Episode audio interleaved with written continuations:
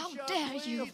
Mr. Gorbachev, tear down this wall. I did not have sexual relations with that woman. Read my lips. Hell yes, we're gonna take your AR-15. It's your waiting AK. I have a dream. Thank you. Ja, da var det dags for en ny episode. Og eh, Harald, det er en stor dag i dag. Ja, det er det. Eh, ja, det er ny regjering. Ja, men jeg, Du tenkte kanskje på jeg noe tenker annet? faktisk på noe annet. Har du bursdag? Ikke bursdag. Nei, Eh, ikke uh, heller. men det er noe annet som har bursdag. Det er SOS Podkast. Ja. For vi har faktisk kommet til den tiende episoden Oi, av SOS. Ikke verst. Og da er jo spørsmålet Hadde du trodd at vi skulle komme hit? Eh, nei, jeg hadde jo knapt uh, trodd vi skulle klare å produsere en podkast i det hele tatt. I det hele tatt? Ja. Ja, nei, men nå Så- er vi faktisk på tiende episoden. Ja. Eh, og, og sånn sett så eh, passer det jo kanskje greit at eh, regjeringen kom med en eh, litt sånn eh, bursdagspresang på forhånd i går. Ja, det, er jo nesten, det er jo nesten en lissepasning til, eh, til oss, det her. Ja, det er, det er bare Vi, vi, vi, vi bukker og takker. Eh, det gjør vi jo. Det er nesten så vi, vi har ikke kake i dag, men eh, det er ikke langt unna. Det blir nok kakelunsj i morgen. Ja, jeg tror, vi, jeg tror vi må ha det. Men det er en egna for en politisk podkast, så er det jo, er jo på en måte en regjeringsendring. Eh, det er jo en gave godt som noe.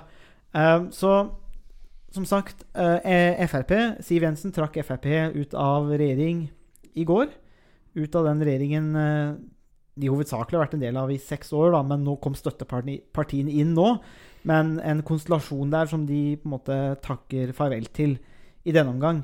Eh, din vurdering sånn umiddelbart av den situasjonen som vi nå står oppe i, hvor Frp altså er ute av regjeringen med Høyre og Venstre og KrF? Ja, jeg, jeg syns aller først at det egentlig er rart at de, eh, de går ut eh, nå. Eh, og jeg syns det er rart at de går ut på, på den saken som, eh, som var foranledningen til at de gikk ut. Eh, de har vært en del av det borgerlige samarbeidet i, i over seks år. Eh, og det å gå ut eh, så nærme neste valg eh, gjør det egentlig vanskeligere for Frp på lengre sikt. Og det gjør det også vanskeligere for eh, det borgerlige samarbeidet på, på lengre sikt. Så det er vanskelig å se hvordan timingen her egentlig eh, passer. Uh, og det er også vanskelig å se for seg hvorfor, altså, forstå hvorfor de gikk av på akkurat denne saken. Fordi det her er egentlig en sak som er veldig i seg selv Uh, få, altså lite konsekvenser. Eh, og eh, at en IS-kvinne skal klare å velte regjeringen, er jo nesten litt eh, utrolig. Og sånn som det ser ut nå, så er det vel egentlig bare eh, denne IS-kvinnen som egentlig tjener noe på, på den situasjonen som har oppstått. Ja, det er, jo, det er jo vanskelig å se at det er den saken her er jo, vi, vi har jo ikke snakka så mye om det akkurat eh, eh, hva vi primært forsker på, annet at du har en sånn fascinasjon for demokrati. Men eh, det er jo eh, sånn at eh, i hvert fall for min egen del så studerer jeg jo mest terrorisme.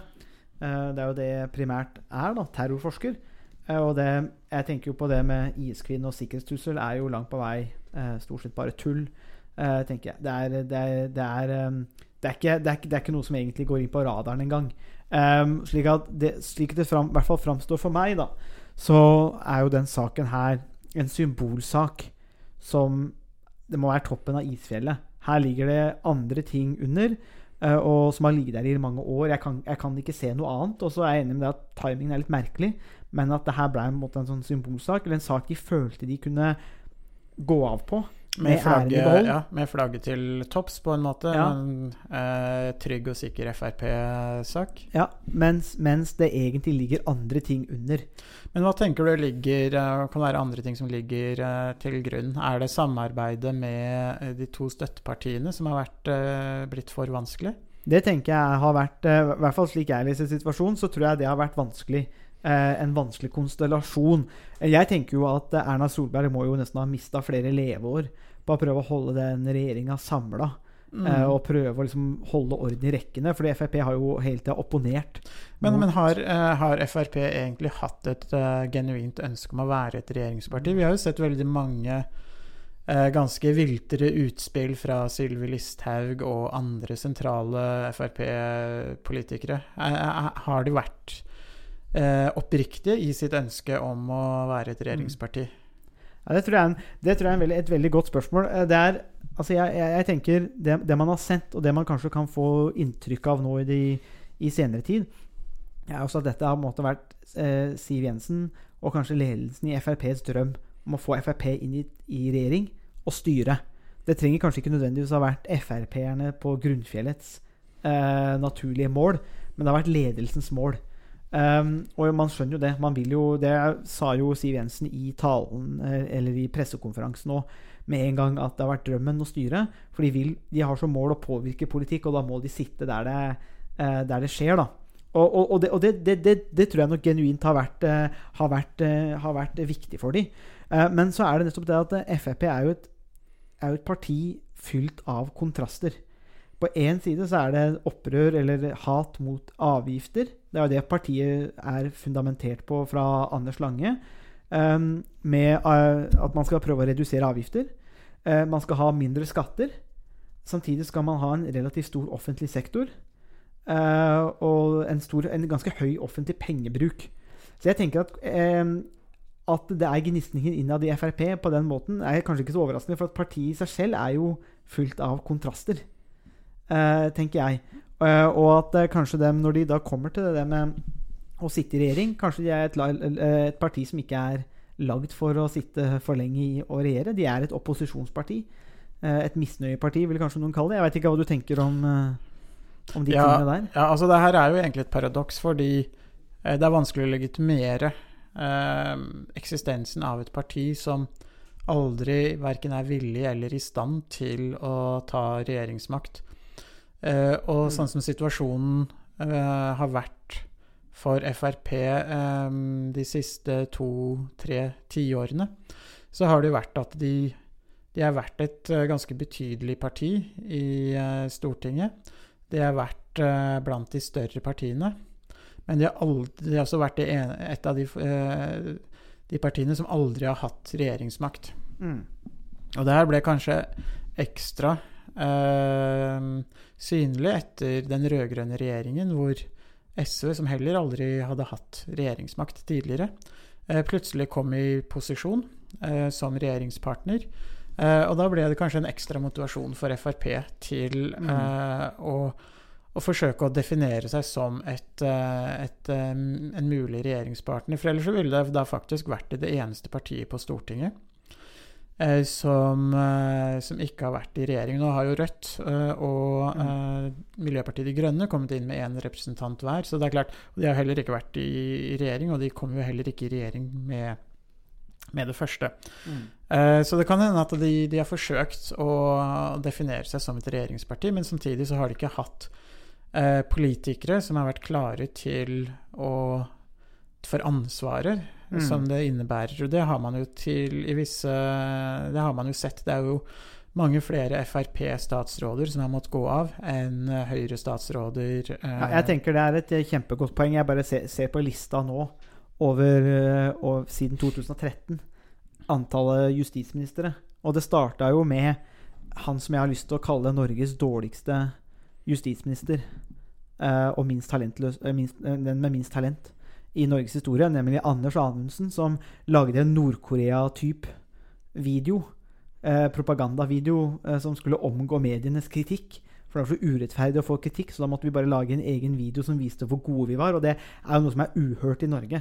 Uavhengig av hvilket parti man er, så bør sånne ting være eh, uhørt. Eh, men så har det da gått fra Anundsen fra 13 til 16, Per-Willy Amundsen se- 16 til 18, Sylvi Listhaug i 18, Tor Mikkel Wara 18 til 19, og nå er det Eller var, da, eh, fram til nå Gøran Kalmyr. Så det, det er jo bare, bare antallet der. Uansett hva man, hva man måtte mene om de, så er jo uansett antallet ganske enormt. Og det gjelder jo andre departementer òg. Absolutt. Kan jo også se på utskiftningen av landbruksministre. Mm. Eh, eh, Fiskeridepartementet, f.eks. under Per Sandberg osv. Det har vært det er jo veld, veldig sterk utskiftning Mm. eh, av, av statsråder. Eh, og det er jo også noe som eh, eh, Som egentlig er, kanskje er litt nytt i norsk politikk. Vi har jo alltid hatt en del politiske skandaler, og den rød-grønne regjeringen hadde jo også siden Åsla- Åslaug Ha- Ha- As- øh, Ja. Haga, Audun Lysbakken eh, Mm. osv. Så, videre. så så det er jo ikke noe som er eh, nytt i norsk politikk, men omfanget er jo mye større i dag eh, eller i Frp sin regjeringstid Ja. enn det vi har sett eh, i andre regjeringer. Både enkelt, altså min, min, mindretallsregjeringer og flertallsregjeringer. Husker jo husker da SV kom i regjering eh, for første gang, så gikk jo de også i demonstrasjonstog mot sin egen regjering. Ja, og det er jo Eh, også veldig spesielt, og det har vi også sett med Frp. Det er nettopp det, og det, og det ble jo langt på vei også latterliggjort eh, av flere partier hvordan SV dreier på. Men så har man jo sett at Frp, når de kom i, i samme posisjon, så har de jo gjort akkurat det samme. Eh, faktisk. At de har kritisert egen. Og det har jo vært spesielt med Siv Jensen, som har gått ut mot egen regjering og kalt den grå og kjedelig. Eh, og så det er jo ikke veldig kollegialt. Nei, og det, det er også spesielt at hun har gjort det over en lengre periode. Eh, og um, det, det, er veldig, eh, det er veldig spesielt uh, at noen, uh, noen går ut og uttaler seg på, på den måten. Så det må ha vært Det er jo et uttrykk for at det har vært gnisninger ganske lenge, men samtidig så er det jo Kan man også spør, stille spørsmålet hva er det Frp kunne oppnådd for noe mer? Eh, for gitt det styringssystemet man har i Norge, hvordan det politiske systemet fungerer. Uh, og som du var inne på, Frp ønsker, en, uh, ønsker høy offentlig pengebruk, men samtidig lave skatter og avgifter. Og da er jo spørsmålet hvordan skal de få det til å, Mm. til å gå opp. Og Sånn sett så er det jo vanskelig å se om F at Frp kunne kanskje oppnådd så veldig mye mer. For de har fått til ganske mye på samferdsel og infrastruktur. Det er en sterkere satsing i dag enn det vi har sett uh, tidligere. Og det er er jo uh, en av til En av de store seirene til, uh, til Frp i regjering. Men samtidig så koster jo alle de satsingene veldig mye penger og veldig mye finansiering. Og da er det også mindre handlingsrom for å redusere skatter og, og avgifter. Mm. Så, så de, de, bind, de, de møter seg jo selv litt i, i døra, og det er jo ikke det er jo ikke uvanlig at opposisjonspartier møter seg selv i døra som, som regjeringsparti. Det har jo eh, har vel egentlig de fleste partiene gjort i større eller mindre grad. Men eh, en del partier har kanskje i større grad vært komfortable med å leve i den, eh, den spenningen og kanskje akseptert at det er sånn det politiske systemet ja. fungerer. Altså tenker jeg kanskje at eh, kan det være også hende her at vi rett og slett hadde At man har hatt et ledelse i Frp som har vært interessert i å styre. Så altså sentralt har de sett nytten av å styre. Men så har partiet, grunnfjellet kanskje, aldri klart å kvitte seg med den opposisjons-DNA-et, det genet Ja. i opposisjon. At man har hatt litt, litt sånn to ulike strømninger innad i partiet. Hvor uh, ting på en måte aldri blir bra nok. Altså Det er jo et litt sånn um, sutreparti, har jeg lyst til å kalle de. Uh, og ting blir på en måte aldri bra nok. Det er klaging der. Eh, og, det, og, og opposisjon. Og det er jo et oppos opposisjonsparti verdig. Det er bare at det fungerer hvis, Man kan ikke beholde de tingene når man selv sitter og styrer skuta. Da må det gå noen andre mekanismer inn. Og spørsmålet er om Ja. de kanskje klar, ikke har klart å rett og slett bare håndtere den situasjonen her på Ja, ab absolutt. Jeg tror det er jo litt som, uh, som uh, Ibsen sier et sted. Om man hamrer eller hamres, eh, like fullt der jamres. Eh, og det er kanskje den rollen Frp har klart å Eller vært flinke til å dyrke. Eh, Mm. og problemet med det er at da, da definerer man seg litt inn i skyggenes eh, dal. Eh, Mm. Man får ikke den innflytelsen. samtidig som de ikke klarer helt å leve komfortabelt med det ansvaret som, eh, som makt og styring gir. Men vi må jo anta at Frp gjør det her for å få tilbake velgere. De ser jo at de gjør det jevnt dårlig på meningsmålingene. Så vi må jo kanskje anta at det er det, er det man tenker. Eh, primært, kanskje. Eh, det kan jo være andre ting som ligger til grunn, men at det å vinne tilbake velgere, kanskje vinne tilbake en sånn slags troverdighet, er, er det man håper på. Eller eller at man kanskje ikke sitter inne for det, man, det regjeringen fører av politikk. Eh, Det er jo en ærlig sak i og for seg, det, da. Eh, men man må anta at det er kanskje det de tenker. Ja, altså Det er ikke usannsynlig å tenke at de ønsker å klatre på meningsmålingene igjen. Ja. Eh, og problemet er jo egentlig hvordan de skal klare det. For nå ligger de jo eh, relativt lavt. lavt 8-10-12 altså sånn eh, Det ligger nesten på halvparten av det nivået de har, har vært på tidligere på de beste meningsmålingene. Mm. Eh, problemet her er jo hvordan skal de klare å gjenvinne velgere nå? Ja, la, men la oss gå til nettopp det med, med neste valg. Det er jo naturlig, for vi får et valg om to år, vel? Ja, ett og et halvt. Et og et halvt år, ja. Et og et halvt år. Og da La oss da bare se eh, liksom, Prøve å gjøre det statsvitere er notorisk dårlig til, nemlig prediksjon. Det å spå framtida. Det er jo noe vi ikke kan eh, som samla gjeng. Men eh, hvis vi prøver, da. Eh, hva gjør det her for en Fordi i de forrige valgene så har jo Frp gått til valg, til dels, eh, på en borgerlig konstellasjon, altså et regjeringsalternativ med Erna Solberg, som har sagt ok, stemmer dere på Frp, det stemmer for vår politikk. Samtidig stemmer dere for et konkret regjeringsalternativ. Det er ikke sånn at du stemmer, og så blir du sittende med 30% og Litt sånn som Sverigedemokraterna blir i Sverige. De, har, de er største partiet, men eh, nå, i hvert fall på meningsmålinger og osv. Men de har null innflytelse, fordi de blir, de blir holdt utenfor. Så, okay, så går Frp til valg med en klar regjeringsalternativ. Hva gjør, det, hva gjør den eh, gårsdagens hendelse med det borgerlige alternativet og FrPs sjanse til neste valg, tror du? Ja, det korte svaret på det er at uh, det har effektivt torpedert det borgerlige alternativet for neste valg.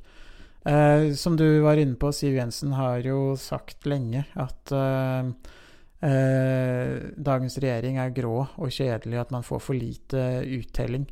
Og hvis det er det hun virkelig mener, så er det vanskelig å se for seg hvordan hun kan med noe som helst eh, troverdighet eh, stå inne for et borgerlig samarbeid i, eh, ved neste valg. Og det gjør det jo også vanskelig for de andre partiene Mm. på borgerlig side å skape et, et samarbeid.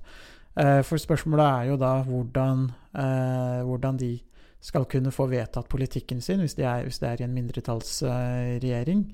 Uh, og ehm, det blir veldig vanskelig å se hva alternativet, hva det borgerlige alternativet er. Og så er, gjør det jo Det er jo en gavepakke til eh, Arbeiderpartiet og opposisjonspartiene i dag. Mm. For de kan jo da si se. Eh, På borgerlig side er det bare kaos. Regjeringskrise, eh, mange sta statsråder som har måttet gå, osv., osv. Det er ingen troverdighet. Det er ikke et, et realistisk og reelt alternativ. Mm. Og det er det jo vanskelig å, å kontre for eh, dagens regjeringspartier og den borgerlige siden. For det, det, det har jo ikke eh, fun fungert når Frp går ut, og det her er jo andre gangen Frp er med på å velte en, eh, en borgerlig regjering. De gjorde det samme i, på 80-tallet. Mm. Uh, og uh, da kan man jo også argumentere for at ja, historien viser jo at Frp er et uh, uansvarlig og upålitelig samarbeidsparti. Mm. Jeg, jeg tenker på det, nettopp det. Er, altså, man, man kan jo gamble her på det at man, når man signaliserer sin egen politikk og synliggjør det på en klar måte ved å gå ut av en regjering, eh, så tenker jeg nettopp på det med at de det, Man torpederer likevel. altså Man mister jo all troverdighet når det kommer til Det er jo ingen partier eh, som kommer til å altså Frp vil jo aldri kunne få 35 eh, og sånne ting der hvor, hvor man kan basere seg på ett eller to støttepartier og så styre og ha legitimitet via det. Så de vil jo alltid være et eh, altså Alle partier i Norge Får man snart 25% i Norge, så må man snart regne det som et kjempegodt valg. Eh, og da tenker jeg at nett, og da er man avhengig av å, å jobbe med andre. Eh, og, og, og, da tenker jeg at nettopp det med eh, å torpedere den borgerlige konstellasjonen er vel egentlig det det har gjort. Og jeg tenker litt på sånn Er, er det noen klassisk eh, tilfelle av individuell nytte og kollektivt tap? Hvis man ser, hvis, hvis man ser da på for enkelhetens skyld på det borgerlige som en eh, enhet, da. Ja. Nei, ja, jeg, jeg tror faktisk det er et eksempel på individuell, uh, individuell tap og kollektivt tap. Og enda verre. Uh, jeg, jeg ser ikke hvordan eh, Frp kan gjenvinne tilliten hos velgerne på bare ett og et halvt år. Mm. Det er for kort tid å by, til å bygge opp tilliten. Hvis vi ser på uh, SV og Senterpartiet da, etter at de var del av det rød-grønne samarbeidsprosjektet, så tok det også lang tid eh, for de partiene å bygge opp eh, tilliten. Så ett og et halvt år eh, er jo veldig lang tid i politikken, og det er veldig mye som kan skje. Eh, men hvis man skal eh, gjøre store endringer eh, og få en, en mye høyere oppslutning enn det Frp ligger på i dag, så vil det kreve bevisst, målrettet arbeid over flere år. Men tror du, tror du, du Høyre-folk, altså de som sitter i regjeringen, men også Høyre på Stortinget er fryktelig lei Frp. Ja, uten tvil. Eh, det det Hva tror du blir sagt, hva tror du blir sagt bak lukka dør på Høyres hus? det, ja, nei, det, det, er nok Altså, Frp er jo veldig uspiselige for mange i Høyre. Eh, Rett og slett fordi at den politikken de, de fører, er jo mye mer populistisk. Det er en slags høyrepolitikk, eh, men det er en høyrepolitikk som ikke har det ideologiske eh, fundamentet i altså konservativisme, eh, liberalisme osv. Altså øh, verdimessig konservativisme og en mer sånn økonomisk liberalisme som Høyre står for. Eh, Så, eh, så det er nok en, eh, en lettelsens dag eh, for mange i, eh, i Høyre og KrF og Venstre. fordi at de tre partiene snakker godt sammen. eh, Mm. Og selv om Bondevik II-regjeringen eh, kanskje ikke var eh, så populær, eh, så var det i hvert fall en, en regjering som fungerte relativt godt eh, samarbeidsmessig.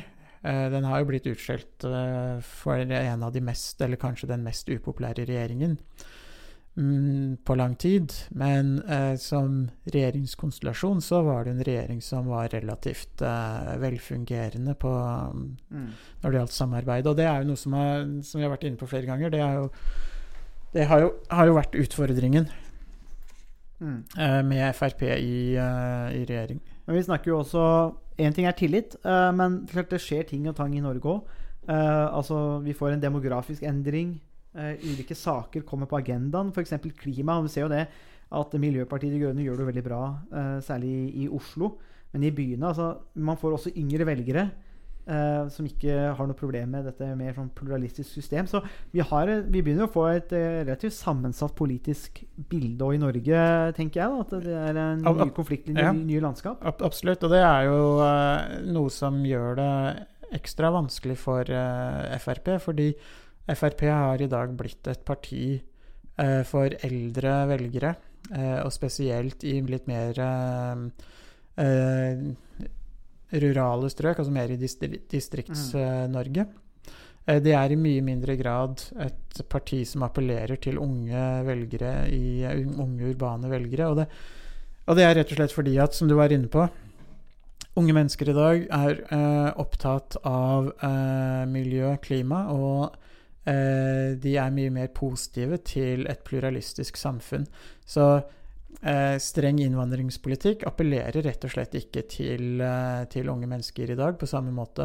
Og heller ikke en, eh, en relativt eh, eh, eh, lite klimavennlig politikk også. Og det gjør det vanskelig for Frp, og gjør at de må, kan ikke bare tenke på eh, hvordan de skal eh, altså det, å bygge opp eh, tilliten hos velgerne er jo én ting, men en annen ting er jo at mange av velgerne rett og slett ikke er der. De appellerer ikke til eh, unge, moderne velgere. Det fremstår som et, et mer sånn ja, eh, reaksjonært og eh, Mm. konservativt eh, parti som vil bevare mer enn å forandre. Og det, det er jo paradoksalt, siden eh, Frp hadde jo tidligere en veldig sterk liberalistisk eh, retning også. Mm. Ja, jeg tenker det er ganske interessant, og sånn som vi har snakka om i tidligere podkaster, og nettopp det med altså den urbaniseringen og den fortetningen som skjer på sentrale Østlandet. Eh, Oslo-området ned mot eh, Østfold, her vi sitter, eh, men også på andre sida av Viken. Eh, større kollektivtilbud med mindre behov for, for biler og, og, og tut og kjør, på en måte. Eh, en del av fanesakene Frp fases på en, måte, på, en, på en måte naturlig ut i områder hvor det blir mange flere velgere Nettopp. som, Skal, ser på, som har andre prioriteringer enn det Frp tradisjonelt har hatt.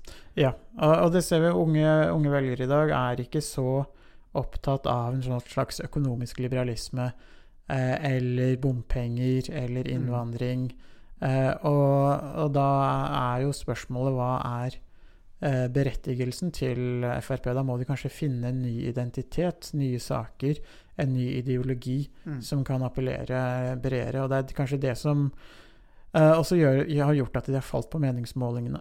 Mm, ja. Jeg tenker jo at det er jo Uh, En ting er jo nå snakker vi selvsagt en del om Frp, men det var jo de som også gikk ut av regjeringen. Eh, så det er et naturlig eh, tema å snakke om. Eh, borgerlig side vil jo også uansett også ha utfordringer ved at Venstre og KrF nok lever et liv hele tida altså Eksistensen til de to partiene er truet konstant. Uh, om de klarer, om de klarer sperregrensa ved neste valg, det, det, det, blir, det, blir, en av de spennende tingene å se på, faktisk. Om de klarer å holde hodet over vannet. Men går, de, de, to partiene går uansett inn i et sammensatt bilde nå over, over litt kaos som preger borgerlig side. Og eh, jeg tror nok at på Altså min spådom, da, min prediksjon, som det så fint heter på statsvitenskapelig språk, er det at eh, Frp langt på vei har torpedert eh, borgerlig alter alternativ. Og på, på, samme måte som Frp og den regjeringskrisa nå, eller, ja, eh, ga oss en gavepakke til vår tiårs, nei, til ti, ti år siden, til vår ti-episoders bursdag i SOS, så var det her også en gavepakke til opposisjonen. Absolutt. Til den rød-grønne opposisjonen. Ab absolutt. Og det, det um, uh, KrF og, og, Venstre har jo uh, lenge ligget uh, litt under sperregrensen, eller i beste fall litt over. Mm. Uh, og mange kommentatorer har jo sagt at når, når, de nå ligger så lavt, så er det egentlig bare det kan bare gå én vei, og det er oppover. fordi at det, de kan ikke gå falle noe lavere. Men akkurat der er, tenker vel i hvert fall jeg at det er langt fra sikkert. At det, det bare går oppover, mm. oppover nå. Og det har jo også utgangspunkt i eh, demografiske og geografiske endringer. Eh, det er i større grad eldre velgere som stemmer på KrF, f.eks., og de har også hatt et sterkt feste i eh, eh Sør-Vestlandet. Eh, fra Agder og opp til, eh, til og med Hordaland, mm. deler av Sogn kanskje. Og som du var inne på, med befolkningskonsentrasjon rundt de store byene, så, og økt sekularisering, urbanisering osv., så, videre, så er det færre som ser på KrF som sitt naturlige parti å stemme på. Mm. Og det er også med på å gjøre at det, det finnes ikke noe naturlig måte, lavmål eller noe, noe naturlig nullpunkt eh, mm. annet enn en null, som de sikkert ikke får. Men som, så det er, ikke noe, det er langt fra sikkert at uh, KrF vil uh, komme over sperregrensen ved neste valg. Og det samme gjelder uh, også Venstre. Mm. og det um, Partiet med de gode forsetter. Ja, det er jo et parti som, som, vil alle vel. men det er ingen som, som, vil Venstre vel, ser det ut som. Og de, eh, det er vanskelig å se, se, for seg også hvordan Venstre vil kunne komme veldig sterkt uh, mm. tilbake.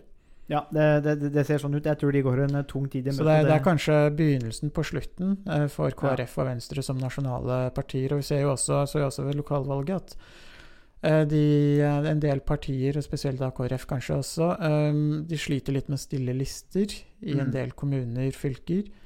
Eh, og det er også med på å, å redusere rekrutteringen av potensielle mm, stortingspolitikere og kandidater eh, mm. til Stortinget.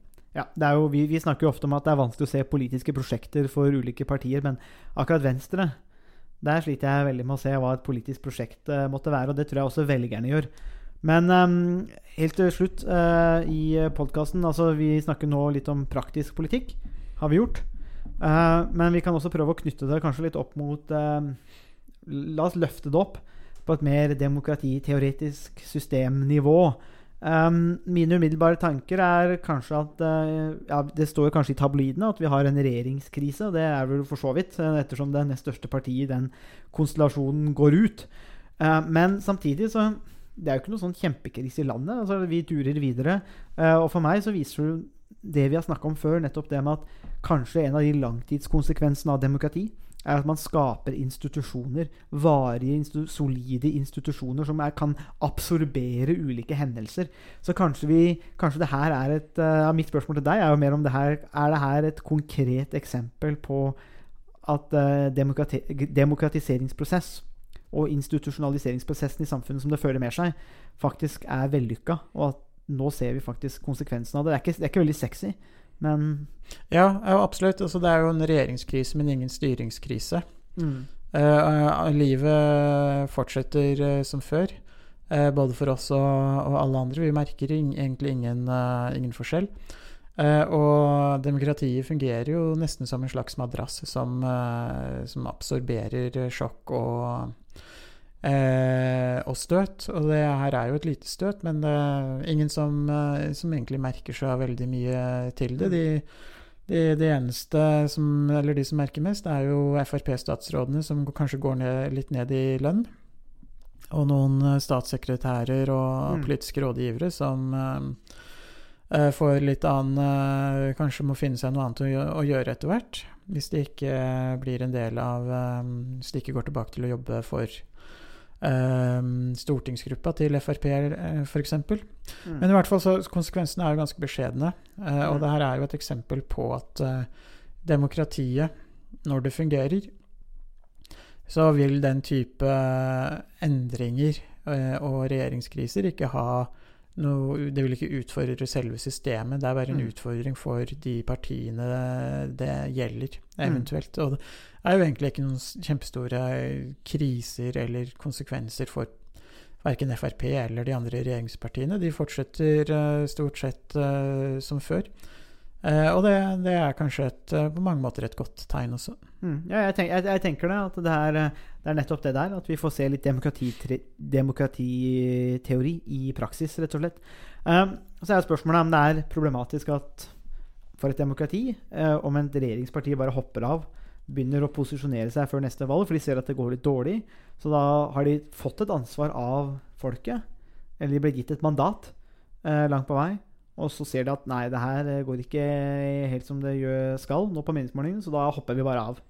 Uh, man kan jo tenke seg at det kunne være en, en kritikk Eller at, det, at man kan se, se, for, se for seg at det er en problematisk utvikling, da. Hvis partiet bare finner ut at de skal gjøre det før hvert valg. Absolutt. Uh, man kan jo se på det her på to måter. Uh, man kan si det er problematisk fordi at de, de gikk til valg um, med utgangspunkt i at de skulle styre eh, i, eh, i fire år til. Eh, og så, når ting begynner å bli vanskelig, eh, så hopper de av eh, toget. Eh, og det kan man jo si er et upålitelig og uansvarlig regjeringsparti. Men samtidig så kan man jo også si at ja, nå har de prøvd. De har prøvd i seks og et halvt år. Eh, og det var det de fikk til.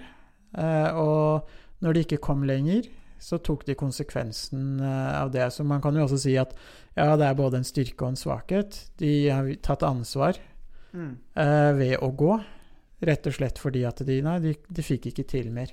Eh, og, så det, er, det spørs litt på perspektivet man, eh, man anlegger også. Eh, Mm. det kan være, Man kan se på det både som en styrke og en, eh, en svakhet. Ja, det er uansett en litt sånn Det er alltid en interessant posisjon uh, å havne i. Eh, men som sagt, jeg, jeg føler at de gangene det er regjerings, regjeringskriser i andre land, så føles virkningene mye større. Uh, og jeg, jeg, jeg kommer til å tolke det positivt, at eh, det ikke er noe regjeringskrise. Um, og um, for oss som er aggressivt uavhengige politisk, så er det jo bare moro uh, å, å se på litt sånne ting. Selv om det er Det er jo trist for noen. men for oss er det i hvert fall mye god eh, materiale for diskusjon, da. Og undervisning i, under vår undervisning med studentene også. Det er, ikke, det er ikke så dumt at det ikke er godt for noe, da. Nei da, vi, eh, for oss så er jo valg alltid spennende, og politiske hendelser alltid spennende, uavhengig av eh, hvilke partier som tjener og taper mm. på det. Og vi kan få mye, ha mye moro med, med det som skjer, uansett hva som, som måtte skje. Takk for at du hørte på denne episoden av SOS. Hvis du likte det du hørte, så setter vi stor pris på om du vil dele podkasten med venner og bekjente. Eh, Vi tar gjerne imot spørsmål, eh, og adressene for elektronisk post ligger i eh, beskrivelsen. Musikken var komponert av Robin Horvath, og neste episode kommer om en uke sånn cirka. Vi høres! And change is coming whether you like it or not.